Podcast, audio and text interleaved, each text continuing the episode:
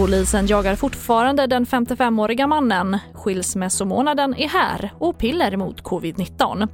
Ja, först i TV4-nyheterna. Polisen jagar fortfarande den 55-åriga man som misstänks för explosionen i Göteborg i tisdags. Händelsen inträffade bara timmar innan mannen skulle vräkas från sin bostad och Kronofogden tipsade polisen om sambandet.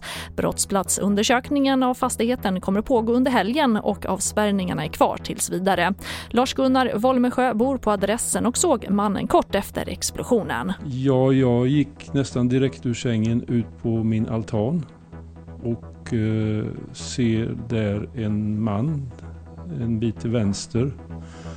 Och min första reaktion var att den personen har gjort något eftersom det bullrade så. Så jag skrek någonting till honom i stil med Vad har du gjort din jävel? Och det gjorde en granne också. Eh, då gav han sig av och jag vet inte riktigt vart. Och skilsmässomånaden är här, för enligt en genomgång av Länsförsäkringar av 20 års statistik visade sig att oktober är den vanligaste månaden att gå skilda vägar. Medelinkomsttagare som varit gifta i drygt 10 år är den vanligaste gruppen att skiljas. Och en Novusundersökning visar att höginkomsttagare ofta pekar på ekonomi som en anledning för att hålla ihop. Därför är det viktigt att ha en individuell ekonomisk planering i tid, menar privatekonom Emma Persson.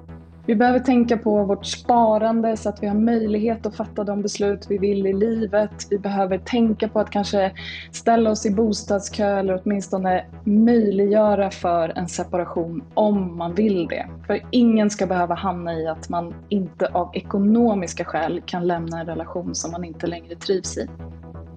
Och vi avslutar med att det amerikanska läkemedelsföretaget Merx har tagit fram en tablett som halverar sjukhusinläggningar och dödsfall hos patienter med covid-19. Studien följde nästan 800 vuxna patienter och nu ska bolaget ansöka om ett nödgodkännande hos flera läkemedelsmyndigheter. Om preparatet får grönt ljus blir det den första tablettbehandling mot covid-19. Och det får avsluta den här sändningen och fler nyheter det hittar du alltid i vår app TV4 Nyheterna. Jag heter Charlotte Hemgren.